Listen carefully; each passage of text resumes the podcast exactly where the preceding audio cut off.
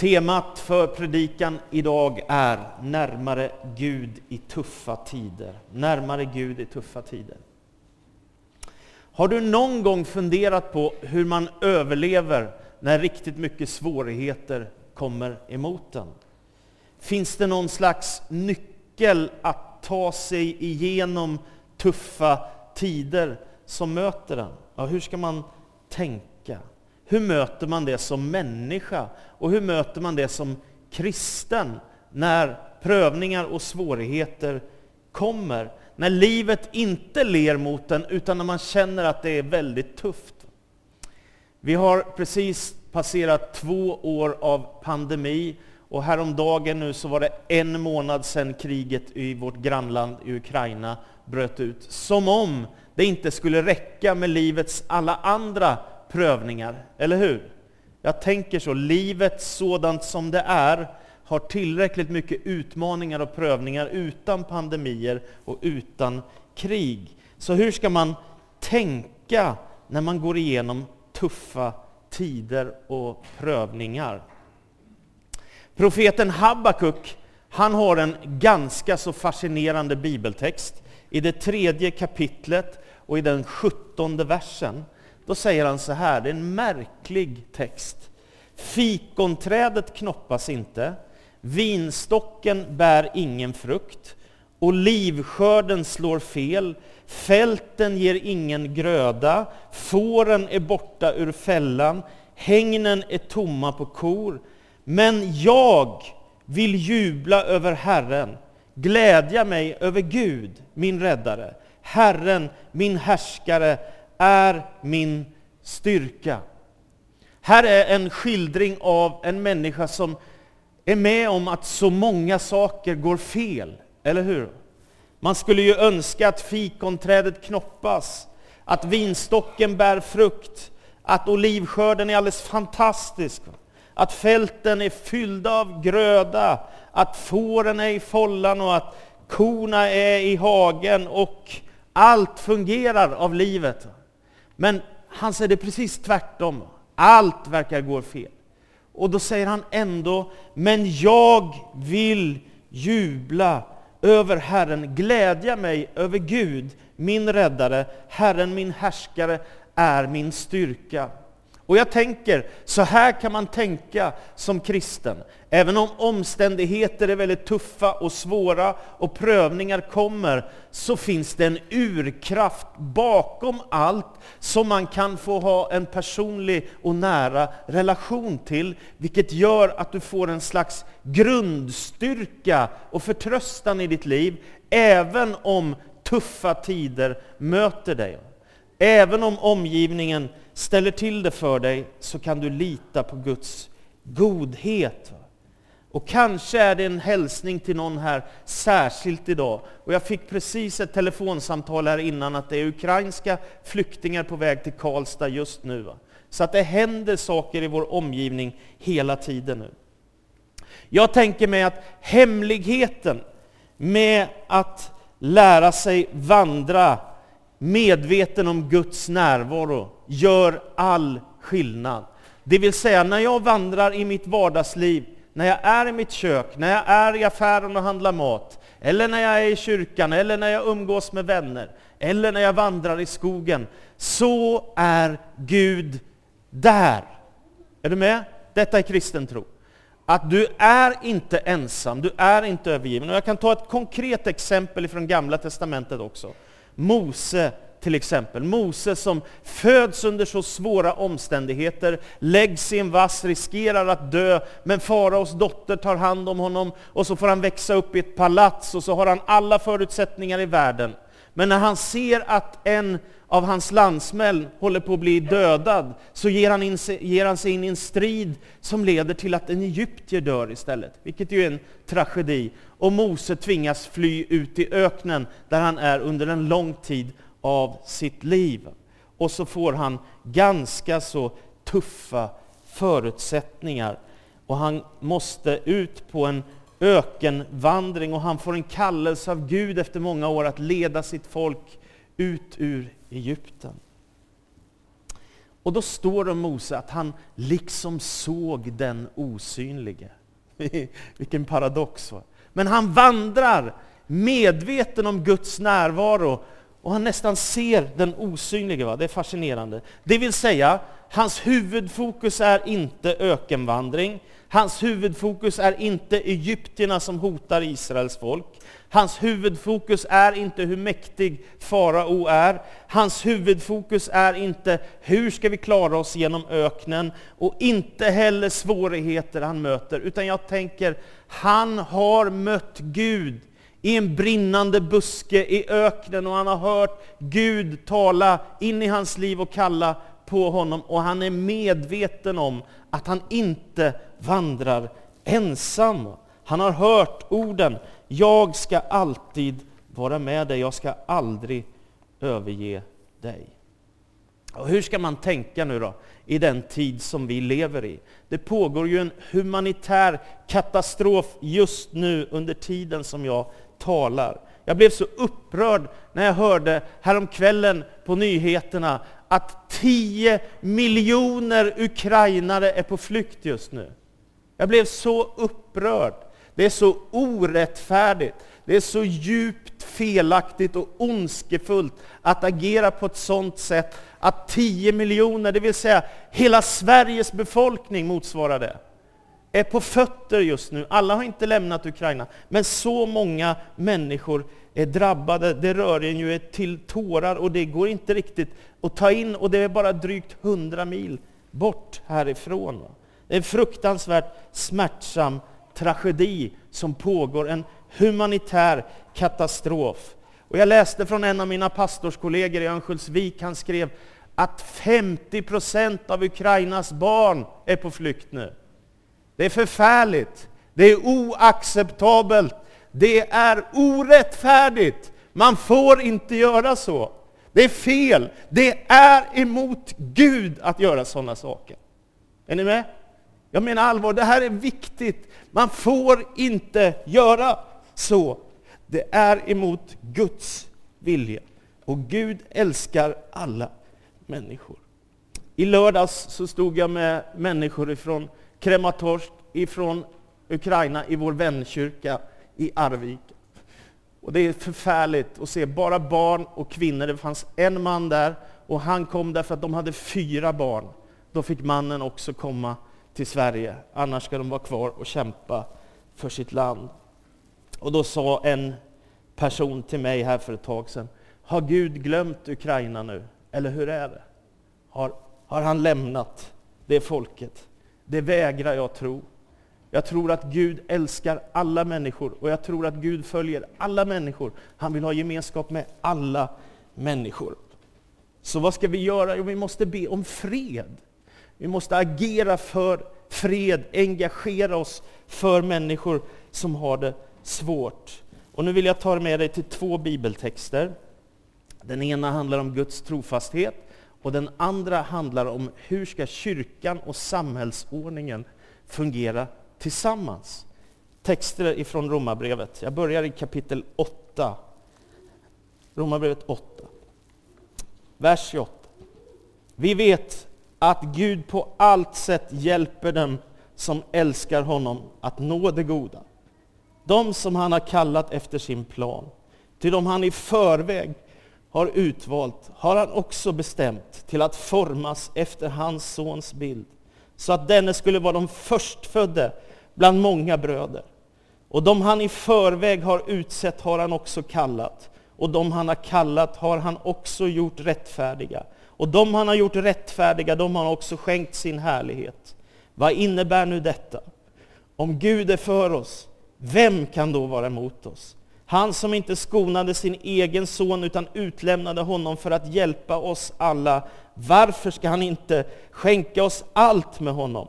Vem kan anklaga Guds utvalda? Gud frikänner. Vem kan då fälla? Kristus är den som har dött och därtill den som har uppväckts och sitter på Guds högra sida och vädjar för oss. Vem kan då skilja oss från Kristi kärlek? Nöd eller ångest, förföljelse eller svält, nakenhet, fara eller svärd. Det står ju skrivet, för din skull lider vi dödens kval dagen lång. Vi har räknats som slaktfår. Men över allt detta triumferar vi genom honom som har visat oss sin kärlek.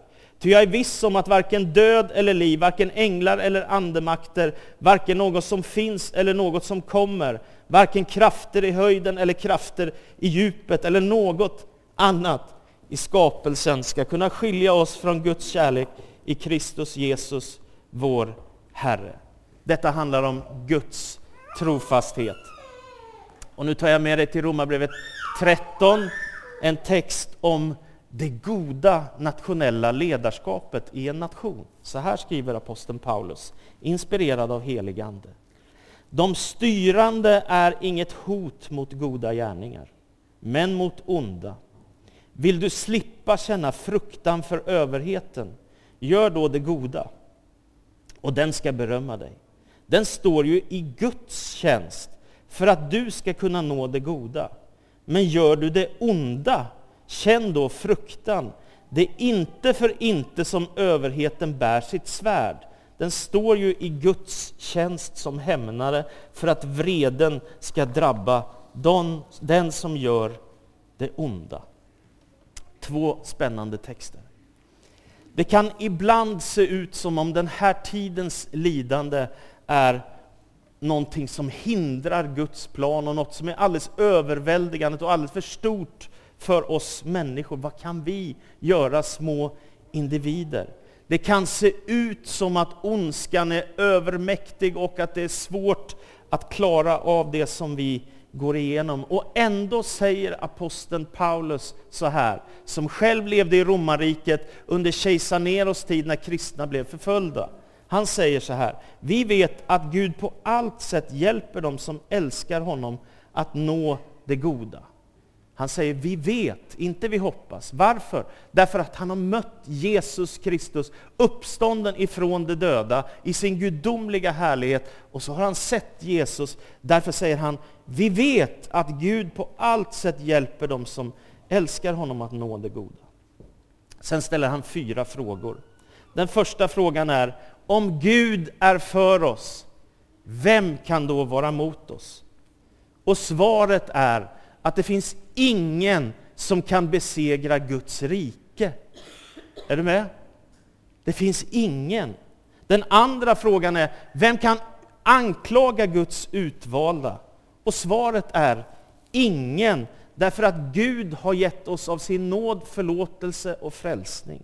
Den tredje frågan är, vem kan döma oss när vi tror på Kristus? Och svaret är, ingen, därför att Jesus Kristus har dött och uppstått för vår frälsnings skull.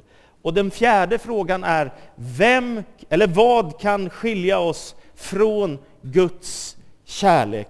Och svaret är, inget, därför att trots all nöd så är Gud trofast och till slut kommer han vinna en överväldigande seger genom Jesus Kristus. Det är den kristna kyrkans förkunnelse. Om Gud är för oss, vem kan vara emot oss? Vem kan anklaga Guds utvalda? Vem kan döma oss skyldiga? Vad kan skilja oss ifrån Guds kärlek? Ingenting. Det är Paulus svar. Det finns ingenting som kan skilja oss ifrån Guds kärlek i Jesus Kristus. Och den som försöker ska naturligtvis en dag få stå till svars för sitt liv inför Gud. Det är den kristna trons budskap. Och något som är viktigt då att minnas är ju det som Paulus då radar upp i vers 35 i Romarbrevet 8, att det kan kännas som om det finns saker som kan hindra oss ifrån Kristi kärlek. Så här säger han, vem kan då skilja oss från Kristi kärlek? nöd eller ångest, förföljelse eller svält, nakenhet, fara eller svärd.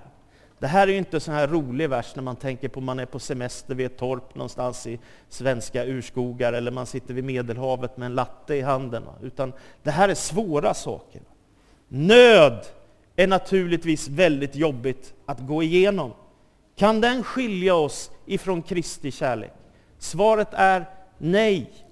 Ångest jag tror vi är många som någon gång i livet har drabbats av ångest. Kan det skilja oss ifrån Guds kärlek? Svaret är nej.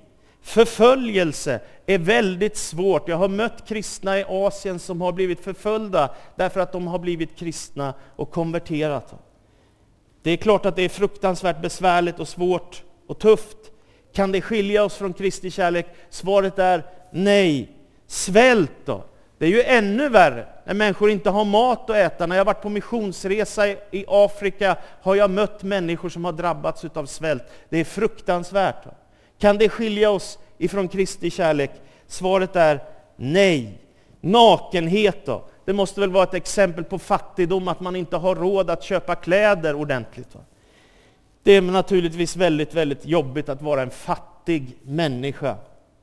Då är det frågan, kan det skilja oss från Kristi kärlek? Och svaret är nej, det kan det inte. Fara är naturligtvis obehagligt. Paulus är själv en av dem som verkligen får lida för Jesu Kristi skull. Därför att han reser runt som missionär och han blir hotad, förföljd, ibland utsatt för våld och ändå så ger han inte upp. Svaret är nej, det kan inte skilja oss ifrån Kristi kärlek. Så kommer man till den här obehagliga frågan då, svärdet då? Det vill säga den politiska makten eller kriget eller det som är, som är så destruktivt ont som kan komma emot en människa. Kan inte det skilja en ifrån Kristi kärlek? Nej, naturligtvis inte. Svaret är nej. Är du med? Kristi kärlek, Guds kärlek, är större än allt detta. Och det ger mig så mycket hopp och tro och kraft in i mitt vardagsliv. Om jag skulle vandra utan Gud, då skulle jag vara mycket bekymrad nu. Klimatångest, pandemi, krig, elände. Men om jag tänker att jag har mitt ursprung i Gud och mitt liv i hans närvaro, så kan jag förtrösta på hans godhet emot mig genom livets alla passager. Och så säger Paulus, över allt detta triumferar vi genom honom som har visat oss sin kärlek i vers 37. Jag är viss om att varken död eller liv, varken änglar eller andemakter, varken något som finns eller något som kommer, varken krafter i höjden eller krafter i djupet eller något annat i skapelsen ska kunna skilja oss från Guds kärlek i Kristus Jesus, vår Herre. Det vill säga, i kristen tro så kan man få gå igenom tuffa tider. Det är inte så att man klarar sig undan bara för att man har blivit kristen, utan alla människor prövas på olika sätt och går igenom olika prövningar i olika tider. Alla människor. Alla blir ibland sjuka. Alla går ibland genom kriser. Alla kämpar ibland med olika saker.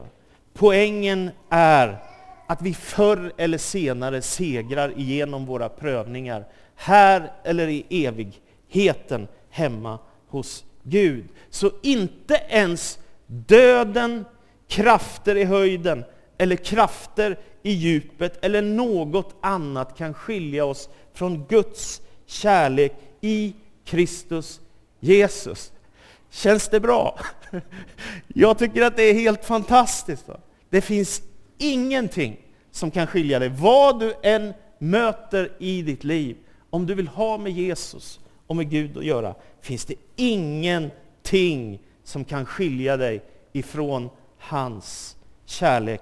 Han har utvalt dig och detta är ett mysterium. Gud själv älskade dig långt före du ger någon respons på hans kärlek. Då måste man ju ställa den här frågan, och jag, nu har jag för första gången i mitt liv läst en bibelkommentar om krig. Jag har faktiskt aldrig under 28 års tid när jag predikat som pastor funderat på ordet krig, mer än att det är lite bekymmersamt med krigen i Gamla Testamentet. Det har jag funderat på. Men annars så känner jag, jag har aldrig slagit upp och läst, för det har inte intresserat mig särskilt mycket. Och nu tänker jag, men nu måste jag göra det i den här tiden. Så hur ska man tänka när människor drabbas av svårigheter och krig drabbar ett land? Ja, det första är att man måste utgå ifrån Jesu fredsbudskap och kärleksbudskap. Det är själva starten och grunden för allt. Profeten Jesaja ser Messias komma och då säger han, han är fredsförsten. Fantastiskt, vilket vackert namn. På engelska står det Prince of Peace, alltså prinsen av fred, det är Kristus. Och sen säger Jesus i bergspredikan i Matteus 5, saliga är de som stiftar fred, de ska kallas Guds söner. Och i engelska översättningen står det peacemakers, de som stiftar fred, de som gör fred, de som håller fred. Det tredje är Jesu välkända ord, om någon slår dig på högra kinden, så vänd också den andra mot honom. Och sen kommer det mest otroliga som jag vet, Rashid när han läste Matteus evangeliet i Afghanistan blev han helt chockad. Då står det så här, älska era fiender och be för dem som förföljer er. Det är ganska starka ord, eller hur? Så detta tänker jag, det här måste kyrkan predika och stå för, Jesu fredsbudskap och hans kärleksbudskap. Det är vår grund för allting. Det vill säga icke-våld och kärlek och fred, det är vårt huvudspår, alltid, det vi alltid söker först.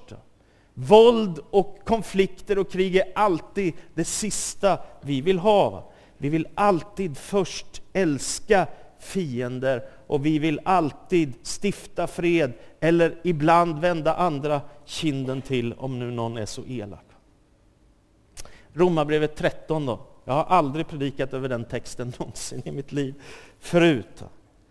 Sverige har haft fred i 200 år. Vi är så förskonade. Och jag vet att en del av er som kommer från andra länder, ni har inte alls samma erfarenhet. Ni har flytt från krig, en del av er. En del av er har sett svårigheter och lidande. Vi är så förskonade i Sverige. I 200 år har vi haft fred. När Paulus skriver i Romarbrevet 13 så utgår han ifrån det goda nationella ledarskapet. Är ni med? Alltså ett ledarskap som gör det goda och står för det goda. Och då säger han, det är insatt av Gud själv. Det här är ganska märkligt. va? Därför att romarrikets kejsare var ju inte kristen. Ändå säger Paulus, det här systemet, det vill säga att det ska finnas någon som styr över ett land eller över en större del av världen. Det systemet är insatt av Gud. Det finns en ordning, en samhällsordning. Så kyrkan finns här, familjen finns här, men nationen finns också där och några ska leda nationen. Det är insatt i Guds tjänst. Och så säger Paulus, om du gör det goda behöver du inte frukta för dem som styr, om du har ett gott ledarskap i ditt land. Samtidigt så blir ju problemet då, när det händer saker som händer i vår tid, det vill säga att ledarskapet inte gör gott i ett land. Vad gör man då? Hur ska man agera då?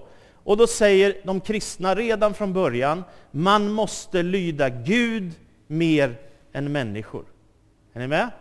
Det vill säga, när, när samhällets myndigheter, politiker och de som är ansvariga för vårt land säger bra saker och gör gott och står för det goda och ser till att människor som är kriminella och beter sig ondskefullt hamnar i fängelse eller möts av polis, då underordnar vi oss som kristna och säger bra, vi behöver en samhällsordning som fungerar, eller hur?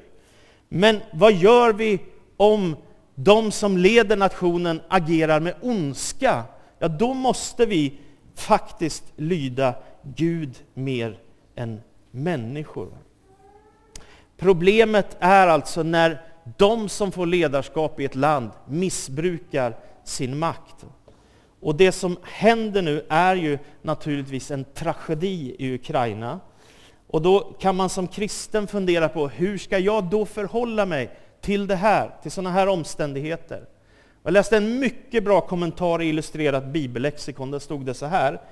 Krig representerar ett oerhört svårt problem för den kristne, Krigets våldshandlingar står i skarp kontrast och motsättning till alla kristna ideal. Är du med? Det är ett mycket svårt problem för en kristen människa, eftersom krig och våld är emot allt det som Jesus står för. Är ni med? Fred, kärlek, rättvisa, godhet, vänlighet, omsorg. Och krig är det fullständigt motsatta. Helvetet på jorden, va? när människor ger sig på varandra med ondska. Och då är frågan, hur ska man agera? Det är uppenbart att Jesus förespråkar icke-våld, fred och kärlek. Det är ingen tvekan om det. Det är vår utgångspunkt. Sen är ju problemet då, vad gör man då om någon attackerar en och angriper en? Det vill säga, i mitt huvud är det skillnad på någon som anfaller någon och någon som försvarar sig. Är ni med? Det är stor skillnad för mig. Om någon anfaller, det är ondskefullt. Om man försvarar sig, det är ju ganska naturligt, eller hur? Det är väldigt konstigt om någon ger sig på en gammal kvinna här ute på gatan. Det vore väldigt konstigt om vi står och tittar, jaha, vad synd. Det gör vi ju inte, vi måste ju agera. Eller om någon kommer och vill slå barn, det är inte okej. Okay. Vi måste ju ingripa på något sätt. Och så långt det bara går naturligtvis med icke-våld, med dialog och saker. Ett av de häftigaste exemplen jag har i mitt liv, det är när vi är på väg i Blekinge. Vi är på resa och eh, vi sitter i bilen, åker till en plats där min farfar växte upp som barn. Det heter Vie, ligger utanför Karlskrona. Och det är mitt ute i ingenstans i skogen.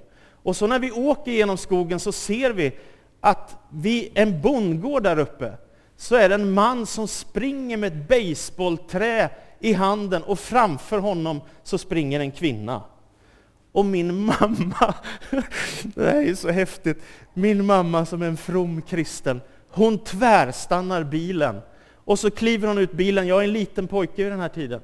Och så ropar hon, i Jesu namn, du rör inte den kvinnan! Och han blir alldeles stel. Du var en modig person, sa Och så springer min kusin iväg. Och så ringer hon till polisen och så kommer polisen och hämtar den här mannen som tänkte ge sig på den här stackars kvinnan med ett basebollträ. Är ni med? Jag tycker det var rätt modigt. Vilket fantastiskt exempel från min egen mor på icke-våld och bara i Jesu namn, det där är fel. Det där är fel. Så hur gör man då? Jag hörde en pastor som sa så här, att om någon kommer att attackera dig, så ska du inte tänka på den personen i första hand som din fiende, utan tänk på den personen som om det vore din egen son. Det var väl väldigt fint sagt, eller hur? Det vill säga så lite motstånd som möjligt, så lite våld som möjligt, så lite av det där destruktiva som vi möter i världen som det bara är möjligt. Agera mot en fiende som om det var din son. Jag tycker det var väldigt vackert. Jag noterar då att kristna har valt två sätt i historien att agera utifrån en situation när våldet träder in. Det ena sättet är att ganska många kristna har blivit pacifister. Det betyder att man vägrar att ta till vapen oavsett vad som händer. Alltså det är otänkbart för en pacifist att ta till vapen hur man än gör och vilken situation man än är i. Det är kristen pacifism. Det finns många som är det. I frikyrkan har det varit väldigt vanligt att många har varit vapenvägrare därför att man känner jag vill som kristen inte agera på det sättet. Sen finns det en annan falang i kristenheten som har sagt så här, vi vill aldrig anfalla någon enda, men vi måste ha rätt att försvara vårt land. Är ni med? De två valmöjligheterna, det ena handlar om jag, vad som än händer vägrar jag ta till vapen. Och det andra säger om någon anfaller oss, ja men då måste vi ändå ha rätt att försvara oss. Det vill säga vi kan vara i överhetens tjänst som kristna också. Och vad svarar jag på den här frågan? Jag svarar inte, utan jag säger du får fundera själv. Vad skulle du göra? Skulle du vara pacifist? Eller skulle du tänka, nej men jag måste skydda min familj och jag måste skydda mitt land? Och naturligtvis ska alla skydda sitt land, även de som väljer att dela ut mat och som delar ut kläder och filtar och som hjälper med sjukvård. Alltså alla ska ju naturligtvis försvara sig. Och när jag skrev om den här frågan i sociala medier så skrev Eskil Albertsson som har varit samfundsledare för Svenska Alliansmissionen, en av kristenhetens samfund i Sverige. Jag blir aldrig färdig med den här frågan, sa Jag blir aldrig... Alltså, det är så svårt hur man ska agera som kristen när ondska bryter fram. Men en väldigt bra fråga att ha med sig, det är What would Jesus do? Vad skulle Jesus göra? Det är väldigt svårt att se Jesus som någon grym hämnare. Utan jag tror att Jesus alltid möter människor med kärlek så långt det bara är möjligt. Så vad gör man? Jo, man måste få försvara sig. Men kristna har valt olika sätt i olika tider. Och jag tänker bara att man alltid ska ha med sig, oavsett vilket val man tar, ska man ha med sig Vänd andra kinden till, älska era fiender, be för dem som förföljer er, var rädd om människorna. De är alla skapade till Guds avbild. Som avslutning läser jag igen Romarbrevet 8. Vad innebär nu detta? Om Gud är för oss, vem kan då vara mot oss? Han som inte skonade sin egen son, utan utlämnade honom för att hjälpa oss alla. Varför ska han inte skänka oss allt med honom? Vem kan anklaga Guds utvalda när Gud frikänner? Vem kan fälla? Kristus är den som har dött och därtill den som har uppväckts och sitter på Guds högra sida och vädjar för oss. Vem kan då skilja oss från Kristi kärlek? Nöd eller ångest, förföljelse eller svält, nakenhet, fara eller svärd? Nej, över allt detta triumferar vi genom honom som har visat sin kärlek. Och Gud är trofast. Och det är därför jag har hopp. Om till sist, om du undrar om jag är orolig för Sverige, så är just nu mitt svar nej. Jag är inte orolig för Sverige just nu. Det kan komma att ändra sig, men nu är jag inte orolig för Sverige, därför att det är så många länder som är rödlistade nu, så det, jag tror att vi behöver inte vara så oroliga just nu. Men vi behöver be om fred, och vi behöver hjälpa flyktingar, och vi ska stå upp för freds och kärleksbudskapet som kristna, så långt det bara är möjligt, och så ber vi att Gud ska hjälpa oss i den svåra situation som Europa är i just nu. Amen. Så ber jag dig, Herre, förbarma dig, förbarma dig över vår omgivning, förbarma dig över vårt land, förbarma dig över Ukraina. Hjälp oss att göra det goda och besegra det onda med det goda, Herre, som det står i ditt ord, Herre. Och vi ber, välsigna och beskydda och bevara oss, Herre. Hjälp oss, Jesus, att göra det som behagar dig. Och tack för att du också är med oss och aldrig någonsin överger oss, hur svårt livet än kan vara. Så ber vi i ditt namn. Amen.